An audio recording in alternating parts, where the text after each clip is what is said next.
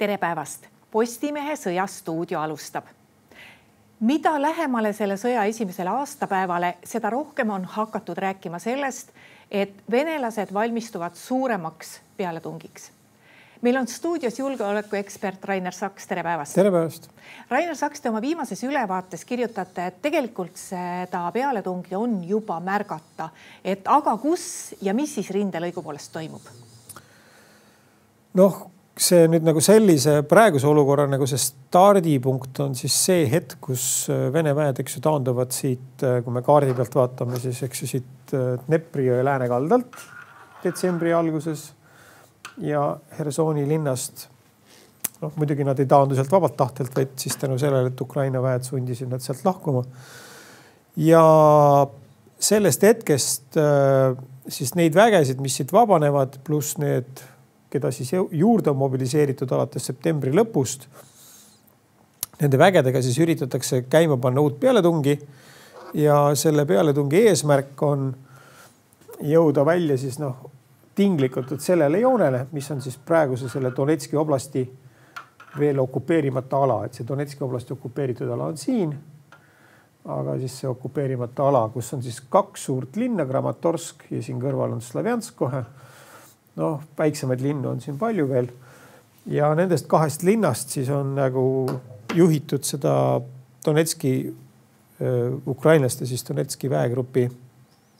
kaitset ja tegevust ja see on nüüd nagu see eesmärk, mis siis Venemaa on seadnud eesmärgiks nagu vallutada. aga no võib arvata, et juhul, kui nad soovivad vallutada nüüd nagu selle piirkonna siin, siis nad paratamatult nad peavad ka hõivama siit vähemalt nagu siis selle ala, muidu ei ole võimalik neil, neil seda ala siin nagu korralikult kätte saada või kaitsta pärast. nii et, et see pealetung on üsna marginaalne võrreldes sellega või see kavatsus õigem oleks öelda, on marginaalne võrreldes sellega, mis oli siis Vene armeel sõja alguses. aga ta on siis väga suur võrreldes sellega, mis siis praegu reaalselt nagu rindel on toimunud siiamaale ehk teisisõnu nad ei ole seda oma pealetungi siiamaale kuidagi käima saanud, kuigi on seda üritanud juba sealt detsembri lõpust saadik. Äh, no kui palju tegelikult on teada ukrainlastele ja kui palju ka ütleme, teie saate sellest rääkida, et äh, palju venelased reaalselt seda täiendavat jõudu sellesse piirkonda, mida te just nimetasite, on, on toonud veel suudavad tuua ja kui palju ikkagi vajatakse seda jõudu piiri tagant, ehk siis, et kusagilt Valgevenest peaks to tooma seal olevaid Vene vägesid lisaks Ukrainasse, lisaks sellele, mis seal juba olemas on? no Valgevenesse pole enam väga palju neid Vene vägesid jäänud, seal on väljaõppel nüüd väga erinevad andmed, sest tuuakse, viiakse neid, aga noh, seal alla kümne tuhande natuke Vene sõduri, need nagu enam mingit lisandväärtust ei kujuta endast no välja arvatud juhul, kui nad on väga hästi, hästi välja õpetatud ja, ja siis äh, no kokku räägivad siin ukrainlased, et on siis nende vastu koondatud praegu kolmsada tuhat Vene armee sõdurit või isegi natukene rohkem, seal kolmsada kakskümmend tuhat. aga see tähendab seda, et sinna hulka on loetud ka kõik need, mis paiknevad siin all Krimmis, eks ju, otseselt nagu sõjategevuse osale. ja siis siin Ukraina piiridel. Äh, noh, loogiline oleks, et äh, et Venemaa siis eh, kasutab ikkagi nagu valdav osa nendest nagu mingil hetkel pealetungis, aga mitte samal hetkel rindel, vaid siis noh, selleks, et siis anda puhkust nendele vägedele, see on siiamaale, mis, mis siis nagu pikalt on võidelnud, et see on siiamaale olnud Vene väe armee suur nõrkus, et nad ei ole suutnud oma vägesid nagu roteerida, puhkama vahepeal. noh, nüüd selleks nagu peaks nagu natuke rohkem võimalust olema. aga mis kõige olulisem on ikkagi see, et eh, me siin loeme mehi aga jalaväerünnakutega nagu seda Donbassi vallutada ei ole võimalik. selleks on need vahemaad ja distantsid ja liiga suured. ja Venemaa armee ju traditsiooniliselt äh, on siis kasutanud pealetungil, eks ju, lisaks soomusväele, mida tal on nagu napimaks jäänud, on kasutanud lennuväge, suurtükiväge, raketiväge. ja vot nende komponentide kasutamisega on neil praegu häda Nad ei ole suutnud neid aktiivselt ja kasutusele võtta, niipea kui nad üritavad soomusväge või lennuväge kasutada, kohe lähevad nende kaotused suureks, see on väga tundlik teema, sest sõja esimeses faasis olid just lennuväe kaotused väga-väga suured, peale mida siis lennuväe kasutamisest loobuti nagu sellisel väga aktiivsel moel. nii et, et see pealetung tõepoolest juba käib, sest Venemaa president nõuab juba ammu kogu Donbassi vallutamist. Aga nad lihtsalt ei ole seda, seda pealetungi nagu saanud niimoodi käima, et Ukraina väed oleks hakanud suuremal alal siis taanduma, et seda pole juhtunud. no paraku elu on näidanud, et kui Venemaa president midagi nõuab, arvestades võimalusi, kuidas seda nõuet täita saab, siis eh, noh, tõenäoliselt eh, lõpeb see suuremate kaotustega. ja kindlasti ja kaotused on praegu väga-väga suured. Ma nagu selles plaanis ausalt öelda ei kujutagi ette, et kui palju nad seda lisaväge sinna rindele veel paisata nagu saavad, sest nad praegu kaotavad ikkagi no puhtalt langenutena niisugune seitsesada meest keskeltläbi päevas, sinna juurde veel haavatud lisaks ja, ja vigastatud, keda minu teada ukrainlased ei, ei, ei, ei, ei loe kokku nagu oma statistikasse. see tähendab seda, et äh, see sõjavägi ikkagi sulab väga kiiresti, äh, mis seal Ukraina vastu võitleb. ja ma no hästi ei kujuta ette, et äh, kui palju rohkem siis on võimalik veel nagu mehi lahingusse saata, et siis need kaotused peaksid ju veel kasvama kui suur on Ukraina võimekus ikkagi, kui me räägime nüüd sellest piirkonnast, mida te just äsja mainisite, et kui palju on ukrainlastel võimekust seal vastasele nii-öelda vääriliselt kere peale anda? No nad teevad seda kogu aeg, et eks nad siin vähehaaval siin Bahmuti linna ümbruses, mis on siin keskel, eks ju, et siin nad on vähehaaval nüüd taktikaliselt nagu taandunud. Ja siis no lahingud käivad praegu põhiliselt siin Kreminali juures, eks ju, mis on siit Severodonetskist põhja pool natuke linn Bahmuti juures, mida venelased ründavad siin juba juuli lõpust saadik ja siis Donetski juures, mis on sõja juba kahe tuhande neljateistkümnendast aastast on see rindejoon siin püsinud ja, ja no natuke siin all nurgas on üks Vugledari linn siin ka. aga äh, põhiliselt äh, on see väga aktiivne lahingutegevus ikkagi kontsentreerunud niisugustele kitsastele lõikudele, niisuguste nelikümmend, viiskümmend kilomeetrit ja mitte kogu rindejoone ulatuses, kaugeltki mitte. nii et äh, selles plaanis äh, ütleks, et äh, võrreldes sõja algusega, kus liikusid Venemaa soomuskolonnid nagu väga suurel alal, on see sõda ikkagi natukene teistmoodi praegu näeb välja ja ukrainlased on ikkagi suutnud tagada selle, et Vene armee ei pääse vabalt liikuma enam nende territooriumi sügavusse et noh, see on väga suur kvalitatiivne muudatus. samas Vene armee kaotused on jätkuvalt väga suured, et äh, sada tuhat meest ja natuke peale, mõned kümned tuhanded veel otsa kaotada. no sellist äh, katastroofi ei ole Vene armeel ikkagi teise maailmasõja lõpust äh, kuskilt lähed-, ligilähedaseltki olnud kui eh, venelased viivad eh, mujalt, ütleme sealt lõuna poolt oma vägesid ära selleks, et Donbassis maksimaalselt kästut saavutada. kas ukrainlastel võiks olla samal ajal jõudu olla seal Donbassi piirkonnas eh, nii-öelda venelastele väärikaks vastaseks ja võtta midagi ette ka paikkondadest, kus venelaste võib-olla see sõjaväelaste hulk ja tehnika hulk on väiksem või on venelased, ütleme seal lõunas nii hästi kaevunud, et nad ei peagi seal nii palju hoidma mehi ja tehnikat? jah, ukrainlased ei ole väga üritanud siin nagu niimoodi tormi joosta nendele Venemaa positsioonidele. Ukrainal reserve on. aga Ukraina probleemiks on olnud, eks ju, samamoodi äh, liiga vähene ja liigse vähese kvaliteediga siis relvastus ja teiseks noh, võib-olla ka väljaõpe, et ikkagi reservvägede või ütleme, Ukraina mobilisatsioon algas, eks ju, kohe veebruaris kaks tuhat kakskümmend kaks ja kokku on nad mobiliseerinud, mobiliseerinud ikkagi sadu tuhandeid mehi, kindlasti rohkem kui Venemaa, selles ei ole põhjust kahelda. aga enamus nendest ikkagi varem niisugust nagu suurt sõjakogemust ei omanud, mingi osa küll omas ja nüüd on nagu nendest moodustatud uusi üksusi, ma saan, mul on niisugune tunne, ukrainlased ei ole seda öelnud küll otseselt ja selgelt, aga et olles saanud nüüd lubaduse äh, lääneriikidelt uute soomusrelvade ja, ja seal mitmete teiste relvasüsteemide näol, et praegu õpetatakse siis tõenäoliselt mitte just nagu kõige kehvemaid öö, äh, oma üksuseid nagu neid kasutama et ei ole mõtet nagu vahepeal mingisugust nagu pealetungi korraldada, kui on võimalus seda teha äh, siin ütleme aprillikuusest alates võib-olla ja võib-olla siis nagu märksa tõhusamalt ja väiksemate kaotustega. nii et see, ma arvan, võiks olla nagu motivatsioon Ukraina sõja jaoks, aga eks me näeme, see sõltub ka sellest, kuidas nad Vene vägedega neid kurnamislahinguid peavad, et, et see etapp on ka väga oluline. ja ka selle jaoks on neil tegelikult reserve, aga ma usun, et Ukraina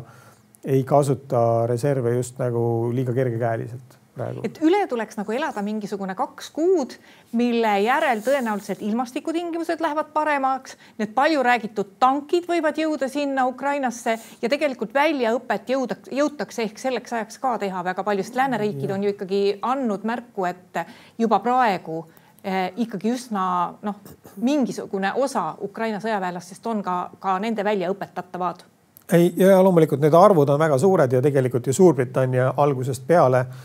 on õpetanud välja äh, Ukraina sõdureid seal juba veebruarikuusest kaks tuhat kakskümmend kaks.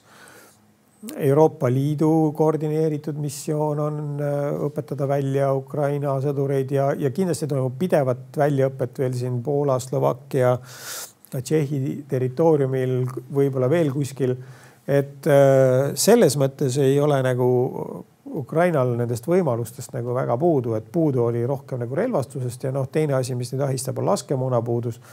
lihtsalt nende küsimustega on metoodiliselt ja kogu aeg tegelenud. ja ma usun, et see pilt läheb nagu siin paari kuu pärast paremaks ja siis hakkab paranema veel nagu üsna jõudsalt järgmiste kuude jooksul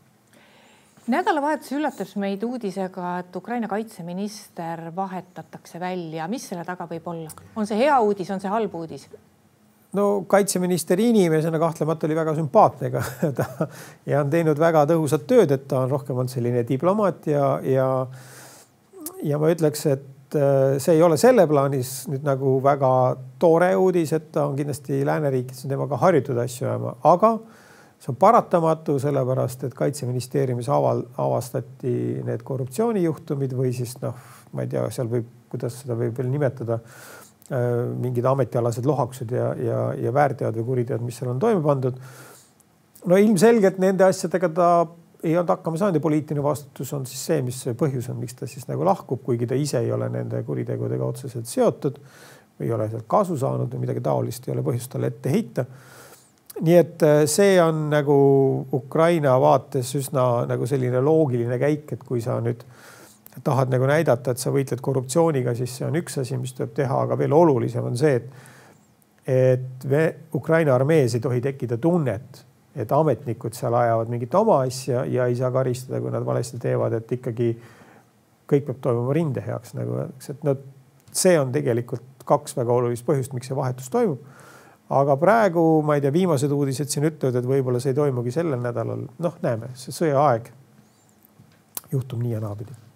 nii et äh, see, et Ukraina president on võtnud nõuks äh, sõja ajal võidelda ka korruptsiooniga, et see on oluline ka sõduritele, et noh, muidu võiks ju mõelda küll, et noh, et peame selle sõja maha, lõpetame sõja ja. ära ja küll me siis jõuame sellega tegeleda. aga see on vajalik. no ma arvan ka, et, et siin ei ole nagu valikut ja, ja president Ukrainas on nagu varasematel aastatel äh, lubanud korruptsiooniga võidelda, aga ei ole seda sugugi mitte väga tõhusalt teinud Ukrainas et tal oli väga palju etteheiteid enne sõja puhkemist ja no okei okay,, sõja esimene poolaasta läks tõesti niimoodi, et oli, oli Ukraina eksistents oli seal paar korda oli niimoodi natukene küsimärgi all. praegu see olukord nii raske ei ole, tegelikult on täiesti, täiesti õige just nagu kaitseministeeriumi liinis sellega tegeleda. noh, võib-olla seal mõne, mõnda ülikooli rappida korruptsiooni pärast sisseastumiseksamitel võib-olla ei oleks praegu nagu kohane, aga keegi sellega ei tegelegi no, eelmise nädala lõpus toimus ka Euroopa Liidu ja Ukraina eh, tippkohtumine, mis tõenäoliselt oli väga hea märgilises mõttes, kui kõrged Euroopa Liidu ametnikud näitasid, et nad on Kiievis reaalselt füüsiliselt kohal, aga teisalt ei olnud see tõenäoliselt mitte ainult näitamiseks, sest et seal sai Ukraina siiski ka lubaduse eh, uueks, eh, uueks paketiks ja, ja ka uuteks sanktsioonideks Venemaa suhtes. kui tähtis see on? See on tegelikult Ukraina jaoks erakordselt oluline, sest mõnes mõttes ju no puhtformaalselt see sõda ju sellepärast käibki, et kas Ukrainal on õigus integreeruda lääne suunal või mitte. sügavam probleem on muidugi noh, Venemaa poliitika üldse selline, et kas ta respekteerib teiste riikide ja rahvaste õigust ise oma saatuse üle otsustada või mitte, aga aga antud juhul on see erakordselt suure sümboolse tähendusega. Euroopa Liidu juhid on hakkama saanud nagu väga võimsa kommunika-, kommunikatiivse käiguga. ja see kindlasti noh, motiveerib nii inimesi Ukrainas ühtepidi, aga teistpidi, mis veelgi olulisem, tegelikult see tõstab ka Euroopa Liidu enda väga tõsiseltvõetavust ja, ja, ja prestiiži ja, ja näitab, et Euroopas on siiski olemas mingisugused sügavamad põhimõtted, mille pärast see Euroopa Liit on ju moodustatud ja mille eest Euroopa Liit peab seisma, et noh, nüüd on nagu seda siis oma tegudega veenvalt tõestatud, on mindud sõjatsooni mm, ikkagi väga suure hulga siis Euroopa tippametnikega ja see kahtlemata juba iseenesest väärib nagu noh, niisugust kerget kummardust. aga sõnumid tulevad jah, nagu kahes liinis, et ühtepidi see, et Ukraina saab täiendavat abi ja Euroopa Liidu abi kindlasti, mida aeg edasi, seda olulisemaks Ukraina jaoks muutub. Sest noh, riigid kahepoolselt tõenäoliselt ei suuda nagu selliseid abipakette kokku panna, mida Euroopa Liit siis kollektiivselt suudab. ja no ka sanktsioonid on olulised aga väga oluline on ka see, et Ukrainale anti ju selgelt äh, teada, et kui Ukraina jätkab oma neid reforme, siis ta on ikkagi võim-, siis Ukrainal on võimalus ikkagi päris kiiresti liikuda Euroopa Liidu suunas ja ühtlasi öeldi ka, et, et Ukraina kodutöö ka sõja ajal reformidega, mis on vajalikud, on jätkunud. ja see on noh, ikkagi üsna erandlik, arvestades seda, et mis see mis Euroopa Liidu laienemise poliitika nüüd siin viimastel aastakümnetel on olnud, vabandust, viimastel aastatel. see nagu niisuguseid edulugusid nagu selgelt ei ole, et ühtepidi ka Euroopa ise vajab niisuguseid edulugusid. ja laienemine ei peaks olema nagu asi iseeneses, meil tihtipeale nagu seda ajakirjanduses ka ja, või noh, niimoodi natukene Eestis on niimoodi käsitletud, et kui ei laiene, siis on nagu midagi nagu viga. aga antud juhul on see natuke teise tähendusega olukord ja, ja siin minu arust nagu praegu Euroopa Liit ikkagi suutis küll mingi väga tähendusväärse noh, niisuguse kommunikatsiooni korraldada sel teemal, et ja Ukraina ei saanud sõnumit, et ta on oodatud Euroopa Liitu, mis iganes ei juhtu, vaid, vaid ikkagi need eeltingimused täita. ja sõltumata sellest, et praegu on sõjaaeg, ega siin nagu mingit noh, hinnaalandust ei tehta ja kokku ei ole lepitud mitte midagi selles valdkonnas, et millal see Ukraina võiks Euroopa Liitu saada. aga võrreldes siin mitme teise riigiga, kes on nagu juba pikemat aega kandidaatriik ja ei suuda mitte kuidagi progressi näidata, siis Ukraina tõestas seda, et neil on nagu see võimekus olemas. Rääkides veel sellest sõjalisest abist just, et no see tankide uudis on nüüd mitu nädalat hästi tugevalt läbi jooksnud ja, ja, ja on rääkinud valmisolekust. Aga noh, keegi ei ole öelnud, kui palju ja mis ajaks Ukraina saab ja teine asi, et noh, et otsapidi on ikkagi hakatud taas rääkima nendest lahinglennukitest aga, aga hoopis väiksemal moel, et kas sealt tagant võib välja lugeda ka mingeid konkreetseid kokkuleppeid või see on ikkagi ütleme ikkagi ütleme see foon, mis meedias kogu aeg käib, mida Ukraina hoiab üleval, sest neil on vajalik, et see oleks kogu aeg üleval, aga, aga teiselt poolt noh, palju seal taga on konkreetseid kokkuleppeid no lahinglennukite osas vaevalt, et mingit konkreetset kokkulepet on ja ei saagi olla, sest Ukraina ei oleks praegu võimeline neid kasutusele võtma. Siin on tegelikult pigem tegemist nagu siis sellise äh, kommunikatsiooniharjutusega, kus nagu ühtepidi harjutatakse Venemaad selle mõttega, et need lahinglennukid tulevad ühel päeval ja teiseks on selle noh, niisugune sekundaarne sõnumi pool selles siis see, et et kui te ei lõpeta seda sõda, siis lõpuks me relvastame selle Ukraina niimoodi, et teie kaotused lähevad veelgi suuremaks. nii et ta on niisugune heidutav tegevus. Tankide osas ei anta täpseid arve praegu ja täpseid tähtaegu ja ma arvan, seda keegi väga täpselt ei teagi. Poola neid tanke sinna kogutakse, ühel hetkel nad Ukrainasse tuuakse ja ma arvan, et, et need numbrid nüüd saavad kasvama niimoodi aja jooksul, et noh, sellist kogust nagu laost võtta, mida kohe saab üle anda, ei ole. et mingi osa kogutakse kokku, mida saab kohe üle anda, ta peab kindlasti moodustama mingi kindla suurusega üksuse. Ukrainlased praegu treenivad ja siis hakatakse, käivitatakse siis protsess, mille käigus hakatakse neid tanke siis noh, ütleme siis ümber ehitama, renoveerima, ma ei tea, kuidas see hea sõna eesti keeles on, mul tulegi pähe praegu. igatahes mitte uusi tanke ehitama. samal ajal käib ka siis nende Nõukogude Liidu ajal ehitatud ja siis sinna Ida-Euroopasse müüdud tankide äh, siis ümberehitamine kaasaegsemateks. et ka neid anda Ukrainale, nii et ma arvan, et siin see tankide arv, mida hakatakse üle andma alates tõenäoliselt seal märtsi lõpust, aprilli algusest et see hakkab aja jooksul siin suvekuude jooksul ja hakkab märkimisväärselt kasvama ja lõpetuseks, vot ma tahaks ühele asjale veel tähelepanu juhtida, kui Venemaa puhul on hästi palju räägitud, et noh, et Venemaal on need sümbolkuupäevad väga tähtsad ja alati püütakse midagi selleks saavutada, isegi siis, kui jõudu ei ole, siis meil oli eelmisel nädalal üks venelaste jaoks üks väga märkimisväärne tähtpäev, nimelt Stalingradi lahingu aastapäev. aga selle kohta ei tulnud nagu venelastelt nagu üldse väga suuri avaldusi, ainult selline väike vingumine Ukraina sõja teemal no nad tähistasid seda päris suurelt ja, ja see on nüüd nagu pigem see katse nagu seda oma ühiskonda mobiliseerida äh,. Et äh, noh, nii-öelda see teise maailmasõja vaimus seda Ukraina sõda pidama ja siis nagu selle kommunikatsiooni roll on nagu peamiselt see, et teha inimestele selgeks, et äh, et noh, mingil hetkel, et me oleme nagu, et inimesed kuidagi võtaksid samm-sammult omaks sellise mõtte, et me oleme sellest erioperatsioonist sattunud kuidagi hoopis sõtta või suuremastaabilisse sõtta kogu lääneriikide kogukonnaga. Et nad tahavad nagu kuidagi sinnapoole liikuda, aga samas ma arvan, ega nad tegelikult nagu seda suurt sõda läänega päriselt ei taha, et selleks neil ilmselgelt nagu vahendeid ei ole. aga ma arvan, et äh, siin üks oluline moment on nagu selles, et, et äh, Venemaa presidendil ja juhtkonnal on küll nagu Ukrainaga seoses mingisugused kinnisideed ja mõtted, mida nad jäärapäiselt üritavad saavutada, omamata selleks nagu tegelikult erilist edulootust ja hinnates eeldusi valesti. Ja riigisiseselt on selline noh, mingisugune sümbolitega seotud tähtpäevade jada on ka väga tähtis aga nad ei ole nagu väga kinni oma sõjakäigu planeerimises nagu mingites väga konkreetsetes tähtaegades, et Venemaa president on üles näidanud väga suurt nii-öelda paindlikkust nagu selles osas, et, et kui ei saada üheks kuupäevaks hakkama, siis leitakse mõni teine kuupäev, pingutatakse edasi, muudetakse taktikat. Et ma ei usu, et nüüd see kahekümne neljas äh, veebruar ja sealt edasi jälle üheksas mai ja mis nad hakkavad korduma et need väga oleksid nagu sellised niisugused vaiad maasse löödud, noh, mis on niisugused nagu deadline'id selle sõna kõige karmimas tähenduses. ei, ei, ei ole nendega seotud need sõja, sõjaliste operatsioonide tähtajad siiamaani olnud. aitäh, Rainer Saks. palun. ja aitäh ka kõigile neile, kes meid vaatasid. nii palju veel, et homme oleme eetris juba valimisstuudioga, aga kõiki meie muid uudiseid lugege ikka postimees.ee